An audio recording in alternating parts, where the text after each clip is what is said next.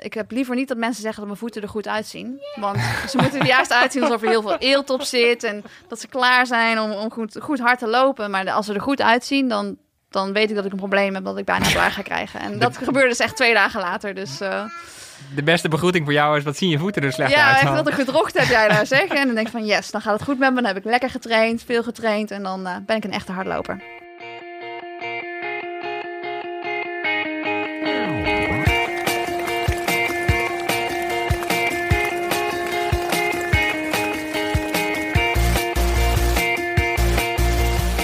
Welkom bij de 21ste aflevering van Suzy Q&A, de podcast over hardlopen, training, wedstrijden en al die andere dingen die het leven de moeite waard maken. Ik ben Olivier Heimel, hoofdredacteur van Runners World en naast mij zitten Susan Crummins, de nummer 2 van Europa op de 10.000 meter en Yvonne Hak, de Europees kampioen op de 800 meter van 2010.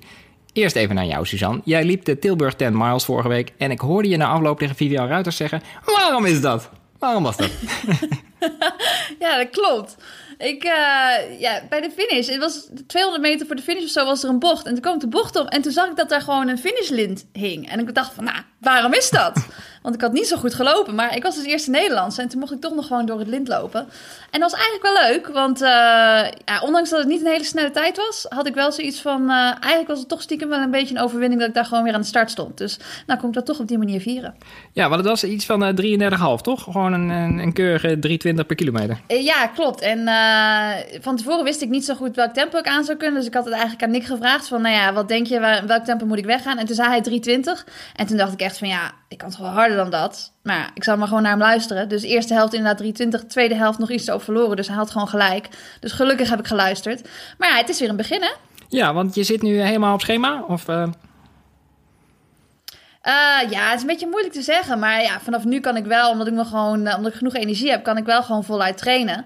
Uh, de vraag is even of ik nog genoeg tijd heb om, om ook echt in topvorm te komen. Maar ja, ik moet gewoon iedere keer ja, de volgende stap nemen. En ik heb eigenlijk geen tijd om, om, om, aan een bepaalde training te wennen. Maar ik moet gewoon steeds blijven pushen en dan en kijken waar het schip strandt. En, en nog heel even, Tilburg. Het heet de Tilburg 10 miles, maar als vrouwen lopen jullie 10 kilometer. Is het een leuke wedstrijd? Ja, ik vond het wel een leuke wedstrijd. En ik vind 10 kilometer vind ik ook een leukere afstand dan 10 miles. Dus voor mij uh, kwam het wel goed uit. Ik vond het natuurlijk wel lastig dat ik meteen bij de start uh, ja, de snelste lopers moest laten gaan. Dat Voel je ook eens hoe dat is. Ja, dat is, ik, ja ik, ik vond het ook echt wel moeilijk. En ik had nog eventjes zo'n beetje twijfels van... Oh, zou ik toch nog stiekem meegaan? Toen dacht ik, nee, dat is een heel slecht idee. Dus gelukkig heb ik dat niet gedaan. Maar uh, ja, ik kijk er wel weer naar uit... dat ik gewoon weer echt in de wedstrijd kan lopen... in plaats van dat ik uh, met mijn eigen tempo mee uh, bezig ben. Want het is toch wel gewoon leuker om tegen andere vrouwen te strijden dan tegen de klok. Dat begrijp ik. Dan naar jou, Yvonne. Jij bent de Europees kampioen van 2010, maar de jury had er maar liefst zeven jaar voor nodig om je de zegen toe te kennen. Laten we even luisteren naar het NOS-verslag van jouw 800 meter race destijds in Barcelona. Aan de leiding is het steeds Jennifer Meadows. Meadows en Savinova en Yvonne Hak blijft op plaats 3 en er komt niemand in de buurt en gaat over Meadows heen en naar het zilver. En dat is een sensatie. Een sensatie bij het Europees kampioenschap in Barcelona. Kampioene Savinova. En Hak met de handen in de lucht pakt hier het zilver. Even voor de luisteraar. Uh, Suzanne werd hier helemaal gek. Jij zat ja. op de tribune toen, denk ik. Of? Nou, ik, volgens mij zat ik niet op de tribune. Nee, want jij Schande. moest denk ik nog lopen. Ik weet niet zo goed. Want ik, ik had wel... Ik liep de 1500 en ik uh, lag er in de series uit. Dus ik ja. weet niet of ik... Uh, ik weet niet ik kan me niet zo herinneren. Ik kan me wel heel erg het beeld herinneren van dat jij won. Nou ja, je won niet, maar je werd tweede. maar je kwam wel over de finish alsof je had gewonnen natuurlijk. Met ja. die armen lucht. Want wij wisten allemaal... Hak heeft gewoon gewonnen. Voor de luisteraar, Suzanne doet dit nu vrij beeldig na. nee, gewoon twee armen lucht. En dat was ook echt prachtig. Maar volgens mij heb ik dat wel op tv gezien. Dus ik weet niet zo goed waarom ik er niet was. Maar volgens mij was ik niet in het stadion. Ja, ik heb niet gelet op iedereen wie in het stadion zat. Nee, we waren wel roomies. We waren wel roomies. Oh, waren roomies. Ik heb, ja. ik heb wel echt topweek gehad. Ja, ja. Dat was echt uh, het beste roomie ooit. Ja, ja. want ik ging me erin verdiepen, want uh, het NK vlak daarvoor, het Nederlands kampioenschap, had jij Ja. een zwaar bevochten zegen. Ja. Moest 2-1 lopen om een uh, Suzanne Kuiper te verslaan. Ja. want die, die kuiken die dacht van... eh, weet je, we kunnen er wel een boemeltje van maken. En dan kunnen we kijken wie er het beste kan sprinten. Maar ik kom van de 1500, dus ik ga gewoon hard van de start. En toen ging ik eerst in de bocht ging ik eventjes kijken. Van nou ja, eerst even kijken of iemand anders misschien op kop gaat lopen. En iedereen begon kaart te sprinten. En ik liep natuurlijk altijd 1500, bijna nooit 800. Dus ik hield echt gewoon niemand bij. Ik denk van wow, wat gaan ze hard. En toen kwam ik de bocht uit en toen trapte iedereen op de rem. En ik keek zo naar links en toen liep ik opeens voorop. En ik denk van, nou, dan kan ik maar beter doortrekken. Dus die eerste ronde, ik weet het niet meer, was het 60 of zo? Nou, het was wel echt lekker doorlopen in ja, ieder dat geval. was gewoon een eh, prima vlakke 201 race. Ja, en, Ja. Toen, en toen op een gegeven moment dacht ik wel van, nou ja, ik, ik voel die adem van hak al in mijn nek, weet je wel. Ze komt me dadelijk voorbij. En toen kwam ze me inderdaad goed Ja. voorbij. En, en jij liep een eh, kampioenschapsrecord, toch? Ja, Ja. ja. ja, nee, dat was echt eh, dankzij Suzanne eigenlijk de Europese titel, denk ik. Want dat was natuurlijk de, de meest heerlijke voorbereiding. Zeker. Dat was wel een goede Ja. test. Daarna Ja, was was- alles makkelijk. Daarna was alles makkelijk. Ik denk, Nee. als ik van Suzanne Kuiken kan winnen. Ja, inderdaad. Maar kan toen, ik alles. daarvoor had je toch... eh, je had iets daarvoor. Ik had het daarvoor. Ik was, eh, nee, ik was ziek geweest daarvoor. Oh, ja. want ik was toen naar, eh, naar Spanje gegaan voor het trainingskamp. In eh, Madrid had ik eh, een wedstrijd gelopen en toen bleef ik daar nog. En toen werd ik daar ziek en het was allemaal ellende. En ik wilde daar juist natuurlijk in de hitte voorbereiden. Ja. De tijdwaarneming En- is ook nog uitgevallen. En toen was de tijdwaarneming eruit. Nou, het was allemaal één groot fiasco, dit hele Spanje-tripje. Ja. Toen ben ik eerder naar huis gekomen. En, eh, en uiteindelijk was dus mijn enige wedstrijd nog voor dat EK, dat NK. Dus dat was echt eh Ja. super fijn dat dat op die manier ging. ja, dat wist ik natuurlijk. Ja, dat wist ja. Ja, graag daarom. gedaan. Ja, ja. Ik kijk Ja. het ook Nee, mee. voor de luisteraars, soms horen jullie onze sidekick. Dat is namelijk Yvonne's zoontje Kik. ja. En die eh, houdt van de microfoon, kunnen we nu al vaststellen. Ja, joh. Ja. Hey. Showbiz, man. Ehm, Yvonne, want ik eh, ging er net een beetje snel overheen. Maar jij hebt uiteindelijk gewonnen omdat iemand uit het verkeerde potje had gesnoept. Ja, Ja het had meerdere potjes volgens mij. Oké, het was een combinatie van Ja, potjes zelfs. Ook ja, wel, denk ik. wel meerdere jaren eigenlijk, hè? Ja, ja. Was dat iets wat jullie in de Kamer destijds had besproken? Dat je, jij terugkwam en je zei, nou, misschien... eh, Nou, ik zag een paarse tong. Ik weet... ik weet niet of we dat toen specifiek over dit geval hebben besproken, maar het was natuurlijk al wel al jarenlang dat, dat, dat iedereen het over de Russische atleten wel had. Dat dat toch natuurlijk wel eh, altijd een beetje verdacht was. Maar echt weten doe je het nooit, want je hebt totaal 0,0 inzicht in wat elke Russische atleet doet. Want die, die zie je Ja. nooit, behalve op de kampioenschappen. Hè. Die komen niet op dezelfde plekken op trainingskamp, die komen niet op dezelfde andere voorbereidende wedstrijden.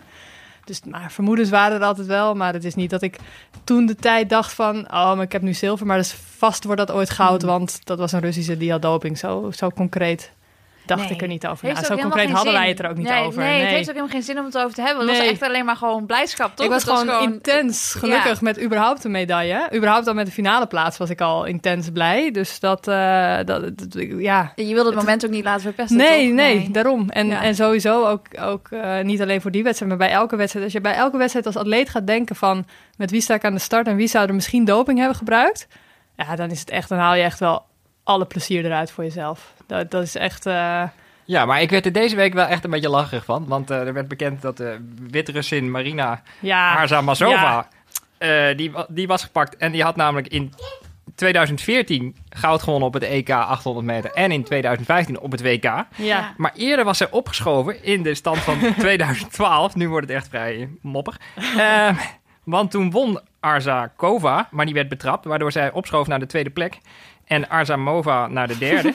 Oh nee, Maratjeva schoof op, maar die werd vervolgens ook betrapt. En toen schoof deze mevrouw dus op, maar die werd ook betrapt. Dus uiteindelijk heeft jouw eh, virtual twin eh, Lindsay Sharp gewonnen. Ja, ik weet, Ah. nog, ja, ik weet nog dat ik haar op tv zag en eh, dat, ik, dat ik dacht, zij loopt heel goed.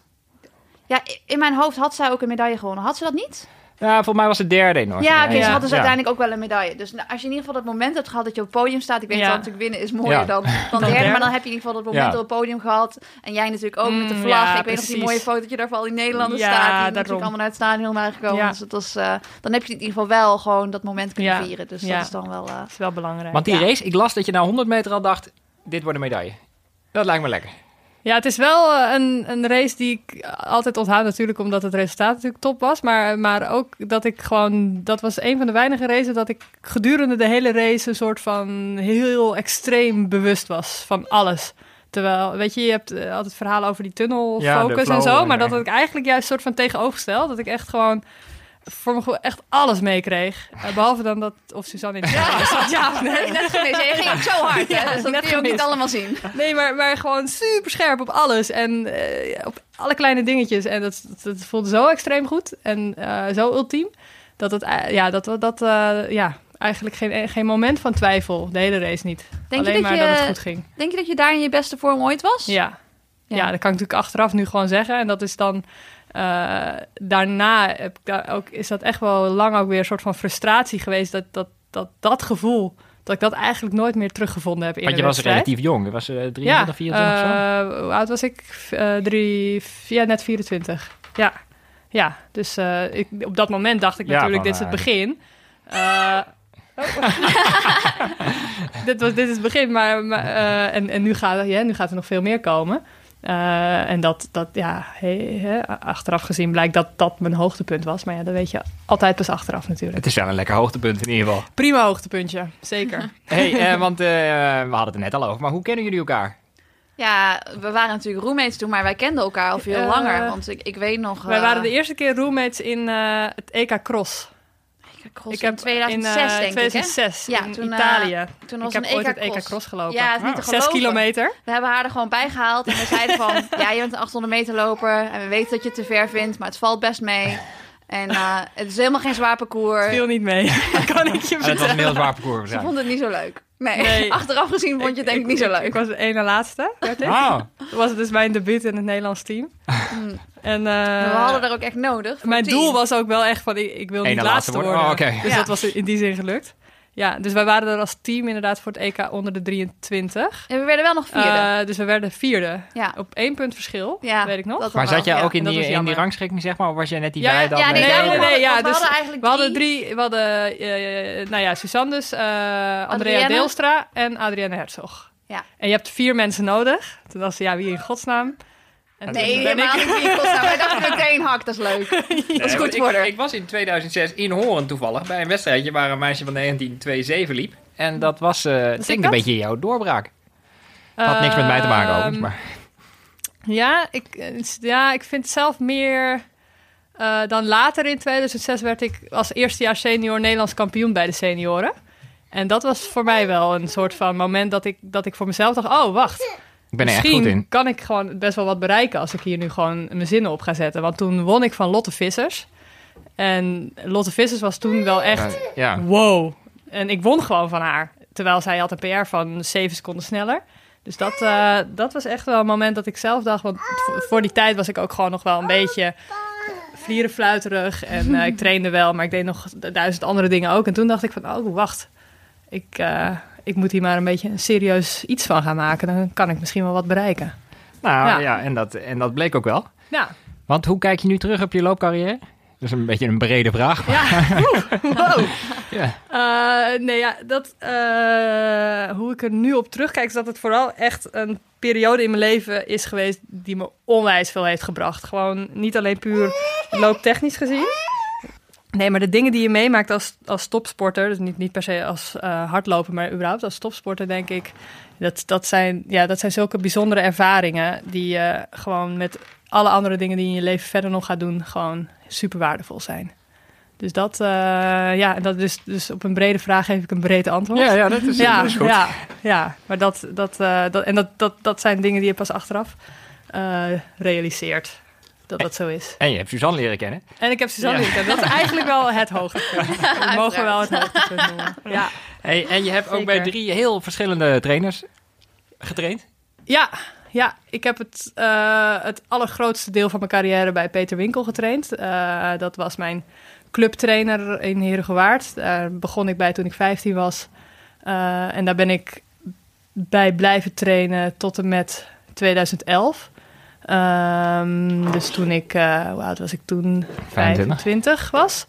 Ehm, en eh, dus hij is wel echt de trainer die mij van, van gewoon eh omvangen junior Tot gebracht heeft ja. tot de wereldtop. Ehm, en uiteindelijk zijn wij toen gestopt samen. Ook omdat hè, dan zit je... Het is eigenlijk net als gewoon een, een ander soort relatie. Op een gegeven moment zit je zo lang met elkaar samen... en heb je eigenlijk nooit iets anders geprobeerd... dan ga je toch ook, ook twijfelen van... goh, wat is er nog meer? En is er misschien iets anders wat me nog verder kan brengen?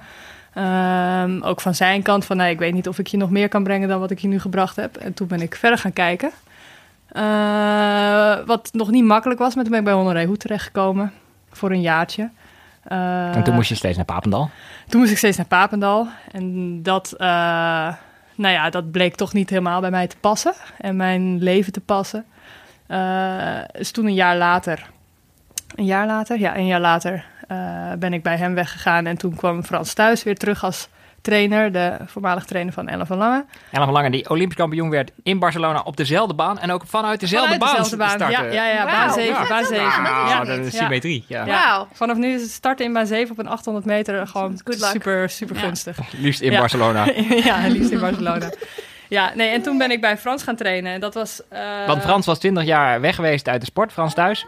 Ja, die was, eh, en die had besloten weer een comeback als trainer, als trainer te gaan maken. Dat had je al gehoord? Of jij hebt hem gebeld van... eh, Ehm, Hoe is dat precies gegaan? Eh, dat had ik gehoord dat hij dat van plan was, inderdaad. Eh, en toen heb ik Ellen gebeld, want Ellen Verlangen die was natuurlijk ook, ook mijn manager via Global Sports. Dus toen heb ik Ellen gebeld van, goh, denk je dat Frans mij zou willen trainen?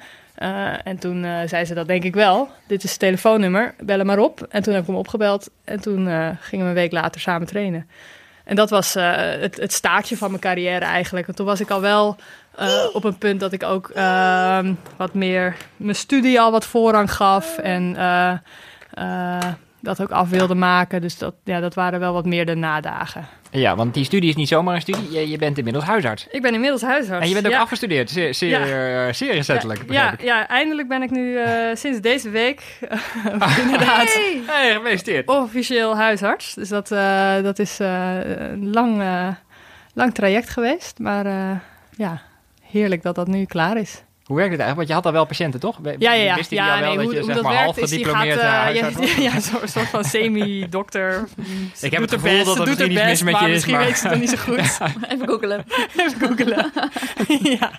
Nee, ja, dat werkt. Je, bent, eh, je gaat geneeskunde studeren. Als je daarmee klaar bent, een studie van zes jaar, dan ben je basisarts. Eh, dan kun je dus aan het werk gaan als arts en werk je onder supervisie van een specialist op het specialisme waar je dan dus werkt als basisarts. Ehm, en eh, dat heb ik toen ook een paar jaar gedaan. En eh, uiteindelijk ben ik toen de opleiding voor huisarts begonnen. En dat is dan nog een driejarige opleiding, waarbij je inderdaad dus gewoon werkt als arts onder supervisie van een huisarts. Eh, en gedurende die opleiding ga je natuurlijk steeds zelfstandiger werken. Denk je Ja. dat je tijdens je hardloopcarrière dat je zeg maar de afleiding van een studie nodig had? Of denk je dat het je als je als je zeg maar echt fulltime atleet was, dat je dan op je best was als atleet? Eh, ja, nee, ik, ik, eh, vond die afwisseling wel fijn. Ja. Ik, eh, eh, dat, dat continu focussen op alleen het hardlopen en het rusten Mhm. en het lopen en het rusten en het lopen en het rusten. Ja, Daar ben ik dan iets te onrustig voor in mijn hoofd, denk ik. ja. Eh, Daarom heeft Suzanne ook deze podcast. eh ja. Ja, dat, dat is mijn enige afleiding. Ja. Ik ben vereerd. ja. Ja, nee, sommige mensen kunnen dat heel goed. En dat is echt wel een gave. Maar Ja. ik kon dat niet zo goed. En ik weet niet of het nou dan dus per se goed is voor het hardlopen om daar geneeskunde naast te studeren. Ja, is natuurlijk wel Eh, een- want het is natuurlijk wel, ja, Ja. je hebt studies en studies en het kost best veel Ja. tijd. Ehm, maar ik ben wel, eh, ik heb daar absoluut geen spijt van dat ik dat ben gaan doen. Dat, eh, ik denk niet dat ik harder of meer uit mijn hardloopcarrière had gehaald als ik het niet had gedaan. Ja. Nee. Onze sidekick begint inmiddels op de bank te springen. Ja joh, die moet je gewoon lekker, eh, Moet je lekker laten Ja. gaan.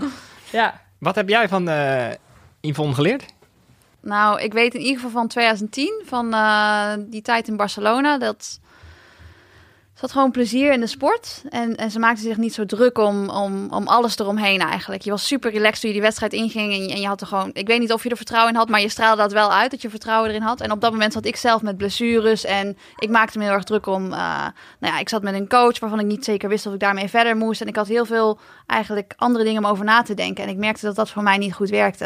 En wat ik van haar dus wel een beetje geleerd heb, is gewoon van ja, nou, zij had er gewoon lol in en, en, het- en het ging gewoon goed. En, en dan nou, komt er zo'n resultaat uit. Dus je moet je eigenlijk ook niet te veel zorgen maken om allerlei soorten details. Kan je nog wel herinneren of je die zilveren medaille ook even hebt opgepakt toen hij in de hotelkamer lag? Of heb je daar ook geen... eh, Ja, volgens mij wel. Ja, Ja, zeker wel. wel, Ja, ik ja. Weet, ja, ik weet wel dat... eh, ja, want j- jij vierde natuurlijk nog een, eh, flink feestje, de hele, hele nacht. Ja, Dat daarom was echt, ik ben eh, toen die nacht volgens mij niet meer echt niet meer- teruggekomen in het hotel. Nee, klopt. Nee. En, eh, En, eh, dus dat was pas de volgende dag, denk ik. ik denk en dat toen misschien de was het ook volgende ochtend het dat ik einde- pas de medaille heb gezien. ja. En toen, ja, toen gingen we En natuurlijk... toen we eh, snel naar vlogen huis. we terug en Ja. toen werd je op eh, Schiphol meteen meegenomen omdat Ja. je naar de tv-studio moest. En eh, dat was, eh, ik weet nog dat je daar wegreed op zo'n karretje van, van Schiphol. Allemaal zwaaiend als, zwaaiend als de de koningin. Het zijn gewoon prachtige En die koningin is waar, die heb ik dan weer van Suzanne. Nee, dat was mooi. Dat was echt, eh, toen dacht ik wel van ja, dit wil ik ook. En vier jaar later eh, was het zover. Toch? Ja, het- oh, dat was alweer vier. Ja, Ja, dat is vier Eh, jaar later, dat klopt. Ja, ja. 2014. Ja. ik zit te denken, was dat ja, vier ja. jaar later? Dat leek, in mijn, in mijn hoofd is dat echt veel langer dan vier jaar. Omdat ik echt twee jaar daarna echt heel erg gestruggeld heb. Ja, En ook wel een beetje aan stop heb gedacht natuurlijk in 2012. Dus voor mijn gevoel is dat echt, dat, dat voelt meer als acht jaar wat daartussen zat. ander weet je wel. leven, ja. Maar ja. ja, nee, dat was wel... eh, ja, ik wist wel dat, dat zo'n EK-medaille winnen, dat is wel echt iets moois. En dat is wel, ja, dat geeft je dan ook wel de motivatie om daarna weer door te gaan. Dus dat is, eh, ja.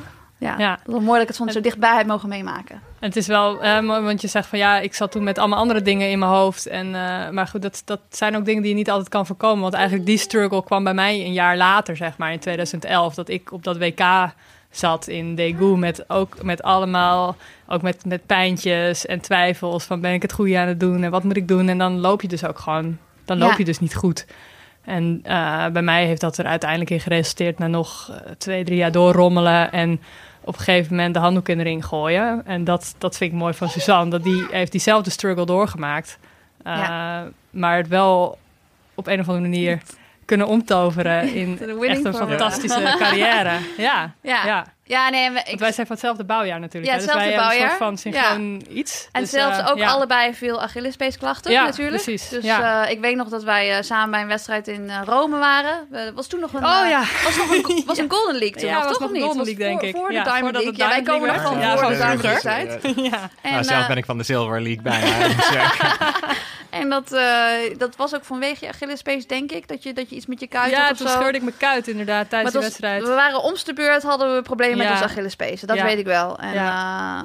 Ja. ja, dat was, ik snap ook wel dat het bij een 800 meter dat dat nog moeilijker onder controle te krijgen is. Omdat je natuurlijk veel meer in spikes loopt en zo. Mhm. Maar er is wel een moment geweest dat ik toen ik nog 1500 meters liep, dat ik ook dacht, ik ga dit nooit onder controle krijgen. Nee. En eh, ik kon natuurlijk uiteindelijk doorschuiven naar de lange afstanden. Ja, was ja, dat, dat was voor jou. na het cross, na het crossavontuur was dat natuurlijk geen optie. Ja, nee, Dus, dat- eh, dat maar het is, ja, dat, eh, wat dat betreft hebben we wel echt, eh, ja, op Ja. andere momenten, maar wel echt dezelfde dingen meegemaakt in onze Ja. carrière. Dat klopt. Ja. want Yvonne, eh, inmiddels ben je naast huisarts en jonge moeder ehm, ook trainer. Ja. Sinds twee jaar. Van, eh, voor de luisteraars, je, je bent trainer bij Team Thuis. eh, met allemaal topatleten en met mij. Waaronder Olivier. Hoe hou je al die ballen in de lucht? Is iets wat, eh, denk ik, al mijn trainingsmaatjes zullen ons wel eens afvragen. Ja. Nou ja, het zijn maar drie ballen, hè, toch? Moeder zijn, dokter zijn en trainer zijn. Ja. ja, ja. ja. Niks laten Ja. Ja, Voor een korte je moet het podcast, lekker, maar... lekker, laten, lekker, lekker, lekker laten gaan. Nee, ja, dat is, het is best een beetje druk, inderdaad. Ehm, en je wil dan alles onder controle hebben, maar het is een beetje de truc om op een gegeven moment te accepteren dat je niet alles onder controle hebt. Eh, en dat maakt dat je dan wat relaxter eh, in het leven staat. En dan blijkt dat je best wel veel tijd hebt voor heel veel verschillende dingen. En het, ja, het leuke is om dat het alle drie moeder zijn, huisarts zijn en trainer zijn zo verschillende dingen zijn.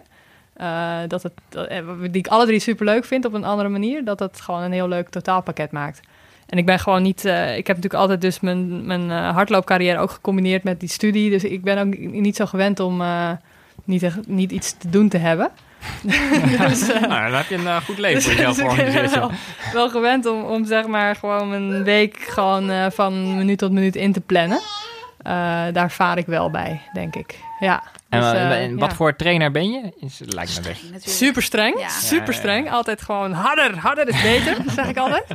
Nee, eh, ja, weet ik, dat moet ik denk ik nog een beetje eh, ontdekken en ontwikkelen. Want ik doe het natuurlijk nu pas sinds een jaar of twee. Ik heb de groep van Frans thuis, dus bij, ik train het Ja. afhankelijk zelf in die groep. En op een gegeven moment ben ik daar een beetje als recreant bij blijven lopen. En heeft Frans mij langzaam geïndoctrineerd dat ik Dat- trainer dat, moest eh, worden. En toen dacht ik ineens, ik wil trainer worden. Ja, dus dat, en toen heb ik het van hem overgenomen. Ehm, Welke afstanden zijn de, de atleten die je eh, coacht? ja, midden 800, 1500 Oké, vooral. En ook wel een paar 3000, 5000. Ja. ja, ja. Maar de, de accent ligt wel echt op de 800, 1500. Nou, daar weet je wel wat van. Daar weet ik wel wat van. Ja, ja. Maar ja, wat voor soort trainer ben ik? Ik ben eh, absoluut niet streng. Ik ben echt wel eh, een gevoelsmens. En ik vind het dus belangrijk dat mijn atleten eh, zich goed voelen en vertrouwen hebben in wat ze doen. Ja, dat, dat Ehm, past ook wel bij Frans, denk ik. Die ook. En dat past ook wel bij Frans inderdaad, dus dat, eh, dat, dat is zeker zo. Ehm, dus ik, ja, daar eh, leg, ik voor, leg ik wel nadruk op. Weet je, dus eh, hardlopen is, het puur het hardlopen is niet zo ingewikkeld. Of tenminste, ja, daar kun je, je kunt heel veel aan techniek schaven en zo, dat is natuurlijk best Ja. ingewikkeld. Maar op zich een, een trainingsschema maken is eigenlijk gewoon, ja, weet je, dat je- is niet het moeilijkste van, van hardlopen. En een wedstrijd hardlopen is zoveel eh, mentaal. Weet je, je Ja. kan eh, als je gewoon, als je fysiek gezien niet 100% fit bent, maar 80%, maar je bent mentaal gewoon supergoed, kun je echt wel een prima wedstrijd lopen nog. Terwijl andersom, als je fysiek gewoon 100% bent, maar je bent mentaal, hmm, dan loop je gewoon een slechte race. Dus dat is, en dat aspect is zo waanzinnig belangrijk. En dat is eh, iets waarvan ik denk dat dat mijn voordeel is, dat ik dat zelf ook meegemaakt heb. En dat je eh, weet wat voor emoties en gevoelens en gedachten daar allemaal bij kunnen spelen. Dat dat, dat iets is waar ik eh, mijn atleten in kan bijstaan. Want als ik hem heel breed trek voor de luisteraars, die natuurlijk ook vaak gewoon een 10 kilometer lopen en misschien Mhm. niet op de baan of zo. Wat, wat is voor jou echt heel belangrijk voor een loper? Wat zou elke loper sowieso moeten doen? Wat misschien een beetje vergeten wordt vaak? Ehm, nou, wat eh, elke loper als je iets wil bereiken eh, moet doen, is de, de basis op orde hebben. Ehm, wat je nu heel veel ziet, is dat mensen de meest fancy schoenen hebben, fancy horloges. En dan die zeggen of ze, weet ik veel, welke procent van hun VO2 max ze trainen. Maar vervolgens gaan ze, vergeten ze goed te slapen en goed te eten. eh, en gewoon hun shit op orde te hebben. En, en, en dat is het allermoeilijkste, want dat is iets wat elke dag opnieuw terugkomt. Elke dag weer opnieuw. Eh, hoeveel uur slaap ik? Wat eet ik? Dat is echt Eh, investeren. en dat is echt investeren. Dat is echt dus je levensstijl aanpassen op wat je wil doen. Ehm, en dat is wat mij betreft, ook voor alle jonge atleten, ehm, het allerbelangrijkste. Zorg dat als je dat goed hebt, dan kun je daarna naar die laatste procentjes gaan kijken. Nee, helemaal waar, denk ik. Dat sluit ook wel ja, aan bij. het is niet heel spannend natuurlijk. Het is helemaal dus niet dat, is- spannend. dat, is, dat, is, dat is het probleem. Dat, het, dat, dat is juist Ja. niet... Het is veel Het leuker is- om lekker 200 te knallen op de baan, toch? ja, Vind ik ook ja, heel ja, leuk. Ja. Maar ja, dat is... en dat, dan echt heb je op- straks een hele goede eindsprint, maar ja, dan zit je er alleen niet bij in de laatste zit je er alleen ronde. niet bij. Nee. nee. Nee, het is, ja. allemaal, het is helemaal, helemaal niet, niet spectaculair. Maar het is, eh, eh, het is heel moeilijk om elke dag eh, je leven zo in te richten... eh, dat je perfect bent om goed je wedstrijden te lopen. Ja. En, dat, eh, en dat is goed slapen, goed eten. Dat is de basis. Nou, en re- relatief veel kracht, heb ik het idee. Ja, dat hangt een beetje van het onderdeel af natuurlijk wat je doet. En eh, dus 800 meter is, is, is natuurlijk echt nog wel een explosief onderdeel... eh, waarbij krachttraining echt wel een belangrijk onderdeel is. Deed je het Zeker. zelf eigenlijk veel? Want je was natuurlijk niet super gespierd. Nee, ik was niet super gespierd, maar ik was ja. wel, was wel sterk en explosief. Dus dat, eh, dat was mijn voordeel, dat ik best veel krachttraining kon doen zonder daar eh, Ja. breed van te worden. Ja, want je Dat, hebt natuurlijk eh, van, die, van, die, van die vrouwen die van Ja. de 400 komen en die kun je ook Ja, zien, van die, tanks. starten- ja. ja. Ja, Dus dat is, en dat is leuk van de 800. En dan komt dat samen. Dan heb je de 1500 meter types die rank en slank zijn. En, op het laatste de- goed doortrekken. Ja, ja, ja. En inderdaad die tanks Ja. van de 400 meter. Ehm, maar kracht, ja, als 800 meter loper is kra- krachttraining eh, een must. En eh, als eh, recreatieve 10 kilometer loper, eh, die hoeven echt niet twee keer per week in het krachthonk te zitten. Maar dan is in ieder geval eh, gewoon één keer in de week een goede core stability workout ook een must.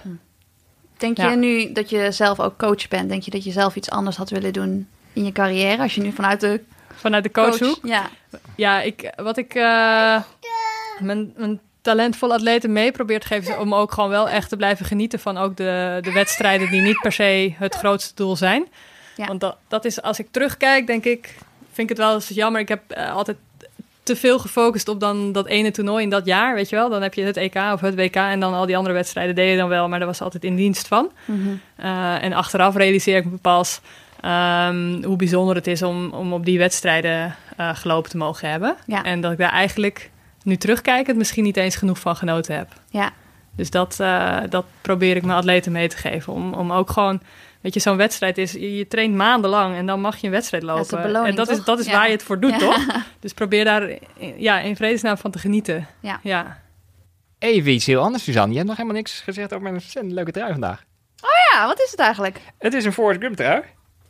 Oh ja, ik zie het nu. Run Forrest. Maar ik zag pas later dat het eigenlijk een trui is van een wedstrijd die naar Forrest Gump vernoemd is. En die wedstrijd is heel lang en zo. En ik, ik heb de wedstrijd dus niet gelopen. Ik wist niet eens dat die bestond. Dus ik twijfel een beetje of ik een trui of een t-shirt aan mag van een wedstrijd die ik nooit gelopen heb. Ja, dat kan dus eigenlijk niet. Hè? Pas geleden wilde iemand bij mij een medaille omhangen van een wedstrijd die ik ook niet had gelopen. En toen schrok ik helemaal. En ik zei van, dat is bad luck. Dat kan echt niet. Dus ja, ik weet het eigenlijk niet. Ik denk niet dat je er ooit gaat lopen, want je hebt er nu al aan.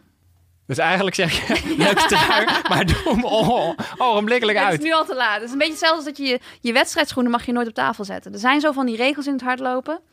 Ja, dat is echt waar. Wist je Daar dat heb ik echt nog nooit van gehoord. Ja, dit zijn echt regels in het hardlopen. Ja, dat is... eh, Ik ken wel de, de malle gewoonte van jullie topatleten is om de wedstrijdschoenen dan uit te doen, direct na de wedstrijd, en dan naast je hoofd te dragen. Ja, dat, is, het heeft te maken met, eh, met de verschillende merken. Als je voor een land bijvoorbeeld een ander merk aan zou moeten. Dan... Maar ik kan dus dat nooit doen, want mijn voeten zijn altijd helemaal vastgetaped. En dan die tape zit dan vast aan de spikes. En waarschijnlijk zit er ook bloed bij, dus ik doe dat dus meestal niet. Maar die sprinters zie je dat wel doen inderdaad. Ja, ja, maar is er een marketingmanager die zegt, hey, eh, zoek een beetje een natuurlijke pose, pak je schoenen en leg ze dan op je schouder, Ja, hoewel daar gewoon naalden altijd- in zitten. Want je hangt ze altijd over je nek. Ja, het is, eh, ja ik, eh, ik, ik zou het best een keertje willen proberen. Ik denk als ik, eh, als ik eh, volgend jaar in Tokio win, dan ga ik ze uittrekken en mijn bloederige voeten laten zien. Maar anders is het denk ik niet de moeite waard. We gaan eh, even naar het eerste segment. Ask Suzy. Stuur je vraag in, dan beantwoordt Suzanne die hoogstpersoonlijk in de uitzending. In dit geval hebben we heel veel Ask- vragen ask binnengekregen. ik ook, hè? Ja, als Ja, ik. Ask Ja, ik. klaar Eh, Kik heeft het een beetje omgetoverd tot een escape room hier, maar eh, hij is nog niet weg. Ehm, Rent hij al? Zeker. Een vraag aan jou, eh Yvonne, van Lianne. Hoe train je het best snelheid voor een 800 meter?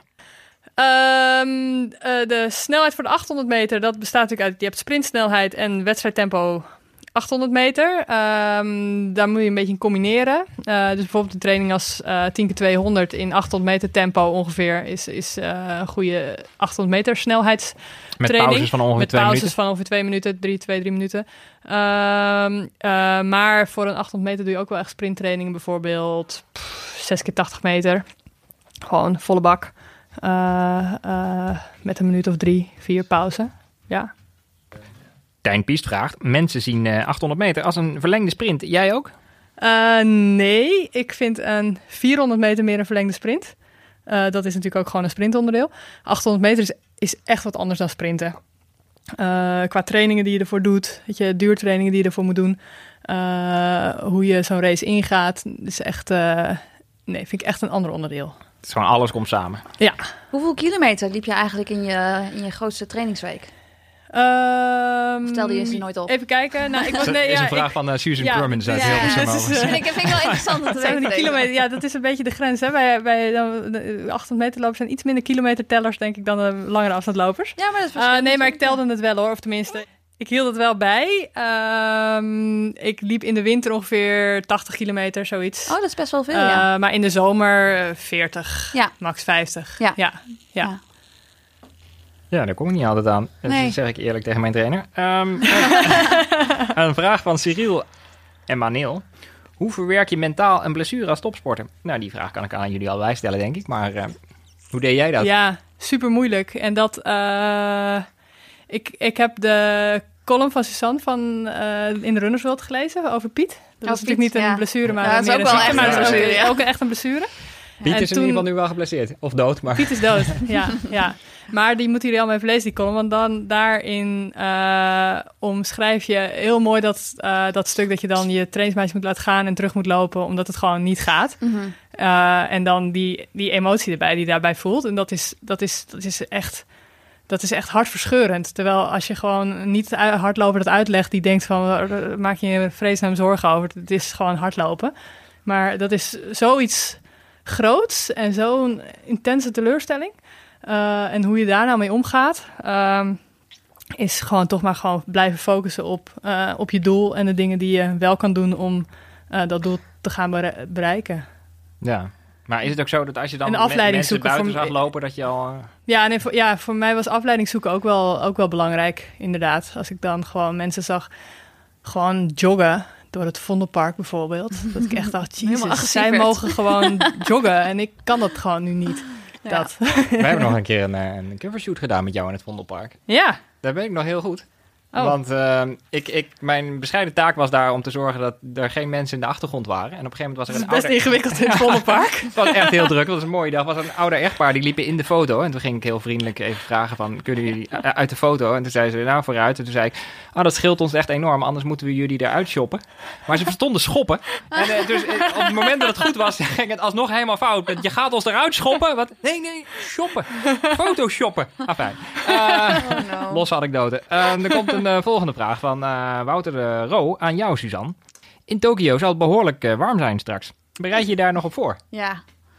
Ja, het wordt daar warm, dat klopt. Het zou natuurlijk leuk zijn als je nu stom verbaasd gelijk Google Echt? Oh, ik dacht dat het precies in de winter was. Nee, ja, het wordt daar warm en het is natuurlijk ook vochtig. Eh, maar als je naar het weer kijkt, want ik, eh, ik heb Tokio gewoon op mijn telefoon in het weer staan. En af en toe kijk ik eventjes van, hé, hey, hoe warm is het vandaag? Oh, En het was maar 29 graden. dacht ik, nou, dat valt wel mee, 29 graden. Maar dan kijk je naar die luchtvochtigheid.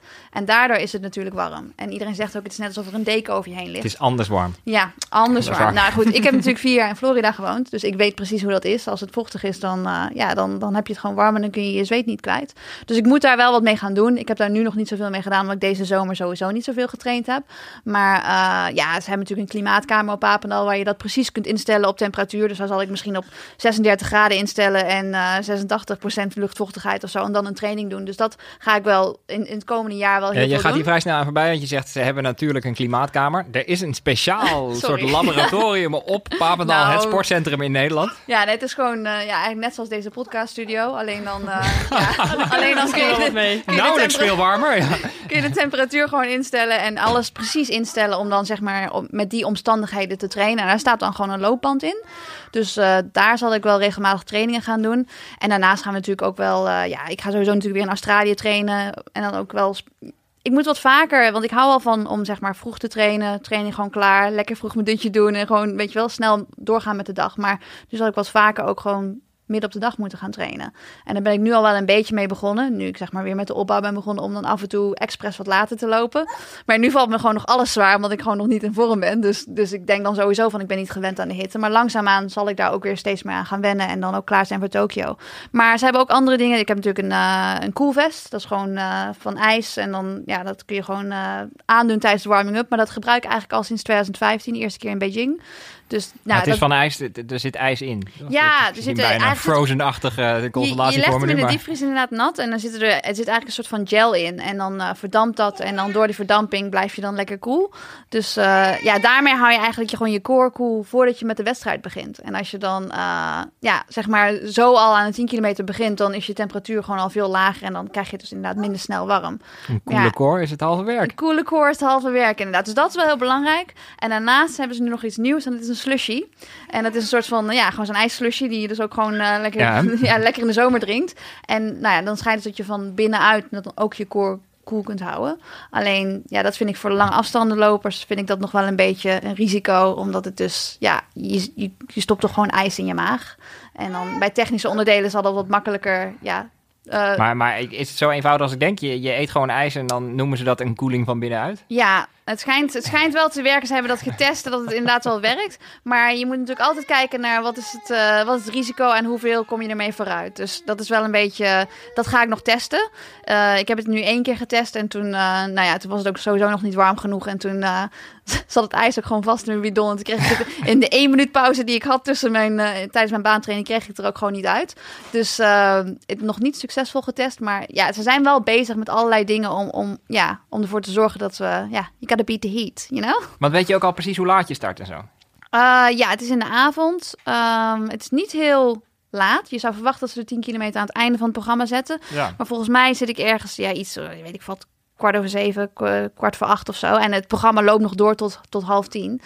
Uh, dus het is niet, uh, ja, het, het zal warm zijn. Maar ja, in Berlijn was het ook warm. Ik heb de finish toch ook gewoon makkelijk gehaald. Ja, zeker. Nee. en nog een andere vraag die langskwam, ook omdat ik je op uh, social allemaal uh, wilde capriola uit zag halen met een drone. Doe je wel eens aan trailrunning? Ja, ik uh, mocht gisteren inderdaad voor een, uh, voor een drone uitrennen in uh, Nijmegen, in de trails. En uh, dat was uh, om een video te maken voor de Marieke Loop Trail Edition. En ik zei van, nou ja, ik train altijd in de trails, dus dit kan ik. Maar ik heb vandaag echt enorme spierpijn. Dus ik heb wel even wat meer respect voor trailrunners opeens. Want uh, flink wat hoogtemeters, ja, daar in Nijmegen kan het natuurlijk sowieso in de heuvels. En dat is wel echt anders dan waar ik normaal met duurlopen doe. Maar het was wel heel leuk, over trappen en allemaal, ja, door de heuvels van, uh, van Nijmegen. Want dus, is het dan een berg en dal en zo? Ja, heb ik ook wel eens Ja, daar inderdaad. Uh, we hebben verschillende locaties, want die, die trailrun die gaat eigenlijk uh, ja, bijna heel Nijmegen door. Dat, is, dat gaat door alle gebieden eigenlijk. Dus, maar onder andere inderdaad berg en dal. waar ook veel wielrenners ook de berg op fietsen, omdat die zo steil is. En daar rende ja. ik dus bovenop. Dus het was, ja, dat was een, ja, best, wel, best wel intensief, maar ook wel heel leuk om te doen. Maar ik voel het vandaag wel nog even lekker nagenieten. Want heb je, ik, ik heb ook wel eens een shoot met jou eh, meegemaakt dat je, dat je bijna werd geraakt door de drone. Waar toch een eh, lelijke helikopter eh, soort boven zit. Klopt. Was het gisteren nog spannend? Of Nee, het was niet spannend. Ik heb dat wel verteld. Ik zei, ik ben wel eens een keertje bijna mijn achterhoofd geraakt door een... gescalpeerd door een drone? Maar ja, ik was natuurlijk de enige die het niet doorhad. Dus op zich is dat dan niet erg. Maar ja, ik vind met die drones en zo, ik vind het wel altijd, het levert wel altijd hele mooie beelden op. Want het ziet er natuurlijk wel heel smooth uit. En dan, ja, dan is het wel net of je, of je meerent. Dus het is, ik vind het altijd wel vet. Ik ben benieuwd naar het eindresultaat. We gaan het zien op de site van de Marieke Loop, denk ik. Eh, onder andere, ja. Ehm, nog een vraag aan jou, Suzanne. Van eh, Marieke Heemskerk. Ik ben blij dat ik deze eindelijk mag stellen. Pas jij je trainingen en wedstrijden aan op je menstruatie? Eh, nee, dat doe ik niet. Nee. En ik heb, ik heb er zelf ook niet zoveel last van. Dus dat is. ik heb zelf ook wel zoiets van: ja, als je in je hoofd al denkt dat je er last van hebt tijdens een wedstrijd, dan krijg je er ook last van. Maar eh, ik denk dat ik het geluk heb dat ik eh, eigenlijk wel gewoon altijd gewoon kan trainen en wedstrijden kan lopen. Want pas geleden was er bijvoorbeeld ook een berichtje van uh, Iris McColgan, een eh, Britse atlete die dus ook Stanford de 10 kilometer liep. En ze liep een hele tijd, liep zij gewoon vlak voor me. En op een gegeven moment is ze uitgestapt. En toen zei ze, nou, ik zal maar vertellen waarom ik ben uitgestapt. Ik had last van menstruatie. En ze zegt van, ja, niemand heeft het daar ooit over. En dat is op zich wel goed dat ze het er inderdaad over had. Dat er sommige atleten zijn die daar inderdaad wel heel veel last van hebben. Maar ik ben er toevallig niet een van. Ik, ik, ik kijk even naar de huisarts. In Ja, het is, gezelschap. ja, het is grappig hè, want ik, ik vind altijd, het is heel wonderlijk dat daar echt nooit, echt maar dan ook nooit over gesproken wordt. Ja, Nou, dus dat is ook wel goed dat ze dat wel zei. Vrouwen toch in principe ongeveer één keer per maand dat eh, hebben. Ja, Eh, en, en het toch gewoon echt wel van invloed kan zijn op je, op je prestatie. En eh, je hebt natuurlijk allerlei manieren als vrouw om met anticonceptie gebeuren de, dingen, de, de boel een beetje te reguleren. En dat is allemaal heel persoonlijk afhankelijk wat fijn is. Eh, maar er is heel weinig over bekend van wat nou goed is, wat je het beste kan doen. Ehm, ook onder sportartsen wordt daar niet heel veel. eh, ja, er is gewoon heel weinig kennis over, heb ik het idee. Want dan Eh, was het zo dat jij wel wist wanneer het ongeveer zou gebeuren? Ja, ik, eh, ik slikte altijd de pil, zodat ik het een beetje kon reguleren. En ik had helemaal nooit geen last van die pil. Je hebt natuurlijk ook vrouwen die, worden daar, die komen daarvan aan... of die krijgen daar mood swings van... of weet ik veel, allerlei dingen die niet fijn zijn om mee hard te lopen. Dus ik had daar helemaal geen last van. En ik vond het fijne dat ik dan precies kon eh, timen... wanneer ik dan wel of niet ongesteld eh, werd. Dus dat, eh, ja, dat werkte voor mij. Maar dat werkt niet voor iedereen. Maar het is grappig dat er heel weinig over gesproken wordt en dus ook volgens mij heel weinig over bekend is. Nou, goede Nou, vraag. wie weet, ga ik dat ooit in de toekomst nog eens eh, verder onderzoeken. doen. Ja. Onderzoekje doen. Ehm, Suzanne, nog een vraag van jou, eh, aan jou, van Jan Verhulst. Om te presteren moet je, een, moet je fysiek top zijn als atleet. Maar ook in het koppie moet alles juist zitten. Wat doe jij als je het mentaal moeilijk hebt? Je moeilijk kunt opladen enzovoort. Ah ja, opladen. Ja. Ehm, moeilijk mentaal opladen. Ja, zeg maar voor de training. Je bent natuurlijk da- dag in dag uit ben je aan het trainen. En het is echt wel zo dat ik, dat ik, eh, dat ik dagen heb waarop ik minder zin heb om te trainen. Omdat ik moe ben of, nou, of omdat er gewoon iets anders is waardoor mijn hoofd er niet, niet naar trainen staat. Maar het is wel mijn werk uiteindelijk. Dus het is een beetje zo van, ja, als jij geen zin hebt om, naar je werk te gaan, dan ga je toch nog steeds. Dus ik begin er wel nog steeds aan die training. Maar soms kan het wel helpen voor mij om, om bijvoorbeeld naar, eh, naar goede motiverende muziek te luisteren of zo. Ja, of ja, gewoon voordat ik ga trainen, als ik eh, eventjes naar oude hardloopfoto's kijk waarin ik eh, echt in vorm ben of zo, of een goede wedstrijd heb gelopen of een video kijk van een oude wedstrijd, dan kan ik, ja, dat kan dat er wel voor zorgen dat ik meer in de moed kom om ook echt mijn best te doen tijdens die training. Maar ehm, en vanochtend was het trouwens zelfs zo dat ik een duurloop deed en er kwam een nummer voorbij van, ehm was van Maroon 5. Iets van payphone of zo. Echt niet iets wat, wat, waarvan je zou zeggen, dit is een motiverend nummer. Maar opeens begon ik echt lekker te lopen. En ik denk van, hoe komt dit nou? En opeens herinner ik me dat ik dat nummer heb geluisterd een keertje tijdens een training in Zuid-Afrika. Waarin ik een threshold... Ah, heb ik toch weer threshold gezegd. Vink hem al van de bingo kaart. Nee, waarin ik een, een hele goede threshold had gedaan op, op 2000 meter hoogte. En dat nam me eigenlijk weer mee naar dat moment dat ik heel erg in vorm was en daar op hoogte heel goed liep. En zonder erbij na te denken waar dat nummer over ging, ja, dat associeerde ik gewoon met, met, met goed presteren. En dan, ja, eigenlijk moet je voor jezelf misschien identificeren wat bepaalde muziek is waardoor jij gemotiveerd raakt. En dat, dat kan wel heel erg helpen voor mij bij een training. Het gaat over een, eh, over een telefooncel, denk ik.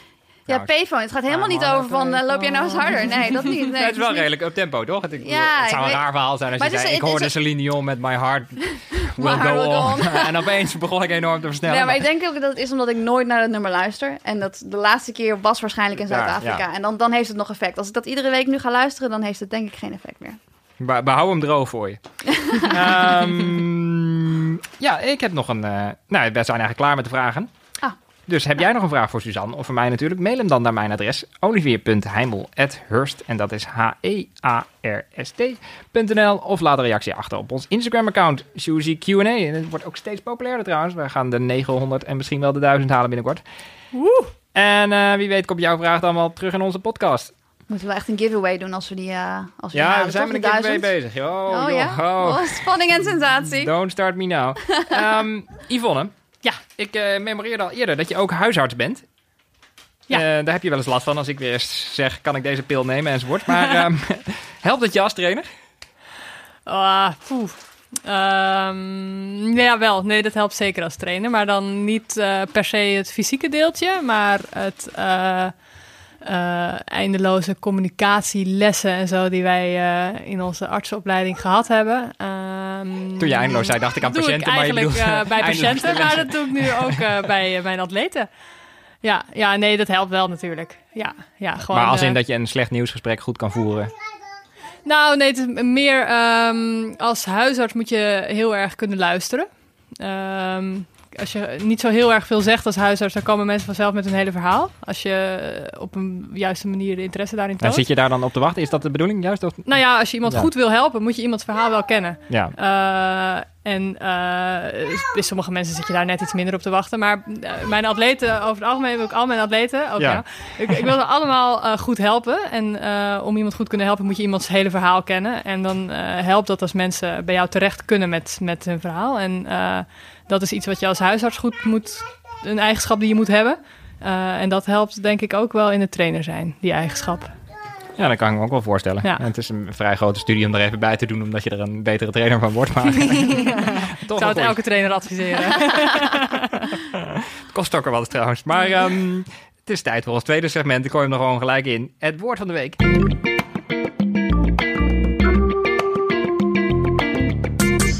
Triple Thursday. Oh, Triple Thursday. Ja, want wij waren aan het appen deze week, Suzanne. En Ja. toen moest jij opeens gaan. Ja, Want je zei Triple Thursday. Ja, Triple jij zegt het altijd met een nou plomp alsof ik precies weet wat Triple Thursday is. Ik kon me er ook wel iets bij voorstellen. Maar ehm, drie keer trainen op, dit, op donderdag. Ja. Ja. Heb je dan ook Feed Up Friday? Dat zei je? Feed Up Friday? Dat je up- vrijdag je nee. voetjes omhoog maakt? Ah, nee, four times Friday. nee, eh, ja, Triple Thursday. Ik doe ook wel eens Triple Tuesday trouwens. Dus, en ook Ja, wel eens tri- nou, heel stiekem doe ik wel eens Triple Saturday. Maar dat is- daar moeten we het verder niet over hebben, want dat is niet mooi. Maar eh, ja, Triple Thursday. Ik, eh, wat had ik gedaan? Ik weet niet eens meer wat ik had gedaan. Volgens mij had ik een threshold gedaan op Thursday, ook mooi. ah, je had hem al gehad, de threshold. Maar Eh, ja, toen natuurlijk een dutje. En dan, eh, ja, en daarna krachttraining en nog een duurloop. Dus dat was een, eh, een triple. En dan, dan ben ik wel weer echt aan het trainen. Dus ik merk wel weer dat ik echt aan het trainen ben. En eh, mijn lichaam reageerde er ook meteen goed op. Met, Maar- een, mooie, met een mooie blaar. ja, ja, ja, echt een epische blaar. Ja, Ja, moeten nog hij even hebben. Bijna op Google Earth zichtbaar, zeg maar. ja, die flap. Ja. ja, is het weer... Je voet weer één... Heel... Het is heel, ja, het gaat heel goed met mijn voet. Het is, ik, ik op zich, ik, ik- op, de een of andere manier gaan die blaren bij mij altijd best wel snel weg. Maar ik gebruik wel blaarpleisters ervoor. Maar het is ook wel altijd zo als ik een lange break heb gehad. Dat, het dan, eh, dat ik dan bijna altijd weer een blaar krijg als ik weer begin met volledig trainen. Want je bracht deze ook op social als een soort badge of honor. Ja, is ook. ik had al 110 kilometer, meer dan 110 kilometer gelopen die week. En toen, ja, en toen die blaar dus. En het, ja, weet je, ik zag, hem wel, ik zag het wel een beetje aankomen. Want twee dagen Je daarvoor... hebt gewoon expres eigenlijk. Twee dagen daarvoor zei Andrew tegen mij van... eh, hey, eh, je, je voeten zien er eigenlijk best wel goed uit. Ja, in het Engels zei je dat, trouwens. niet in het Nederlands, zo, gaat, zo goed gaat het nog niet. Jullie zaten samen op de bank en dan zeiden... Ja. Hey, En toen je dacht, voeten- ik, toen dacht ik wel van, dat is eigenlijk een slecht teken dat hij dat zegt. Dat, eh, ik heb liever niet dat mensen zeggen dat mijn voeten er goed uitzien. Want ze moeten er juist uitzien alsof er heel veel eelt op zit. En dat ze klaar zijn om, om goed, goed hard te lopen. Maar als ze er goed uitzien, dan, dan weet ik dat ik een probleem heb dat ik bijna klaar ga krijgen. En dat gebeurde dus echt twee dagen later. Dus... eh, De beste begroeting voor jou is, wat zien je voeten er slecht ja, uit? echt wat een gedrocht heb jij daar zeg. En dan denk ik van yes, dan gaat het goed met me. Dan heb ik lekker getraind, veel getraind. En dan eh, ben ik een echte hardloper. Maar het, is ook zo dat sommige mensen willen horen van... Ja, wat zie je er slecht uit, toch? Ja, dat was eigenlijk altijd bij mijn oma was het inderdaad. Dat ze dan altijd zei van, eh, oh je ziet er niet zo goed uit. Dus eh, gaat wel goed met je. En dan, dan was ik echt in vorm, dat wist ik dan zeker. en, dan, en, als, en als het andersom was van, eh, nou je ziet er goed uit. En dan kneep ze in mijn wang. En dan was er ook echt een dikke wang om in te knijpen. En dan eh, wist ik van, oh no, je moet eh, back to work. Oef, had jij dat ook, Yvonne? Ja. Mannetjes om te knijpen. Ja, ja, ja, zeker. Ja, dat is toch. als je in vorm bent, dan is dat voor de meeste mensen denken dan toch van, nou, meisje, eet je wel genoeg? Ja, ja, ja. Zo is dat. ja, dat is toch vaak eh, wel eh, zo met hardlopen. Ja. Ja. Ja. Ben, je, ben je meer gaan eten eigenlijk, nadat je klaar was met hardlopen? Eh, nou, ik ben niet meer gaan eten, maar wel minder gaan bewegen.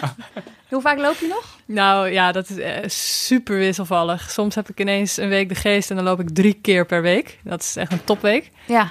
Eh, en soms loop ik weken achter elkaar niet.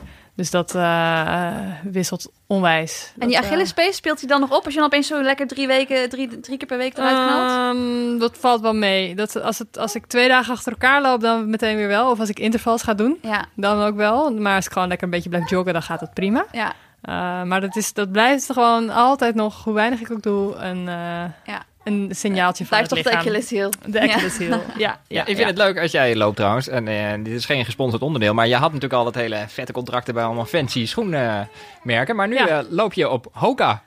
Ja, ja, ja. Ik eh, wil er verder niet inderdaad een reclame voor maken, want het is niet dat ik daar een eh, belang bij heb. Maar dat eh, heeft voor mij waanzinnig goed geholpen om eh, met veel minder pijn te kunnen lopen. Want Hoka, eh, voor de luisteraars, is een vrij hoge schoen. Ja, dat is, dat is een soort van eh, wat, wat meer afgeronde zool vooral. Ehm, Het is het luchtbed wat- onder de...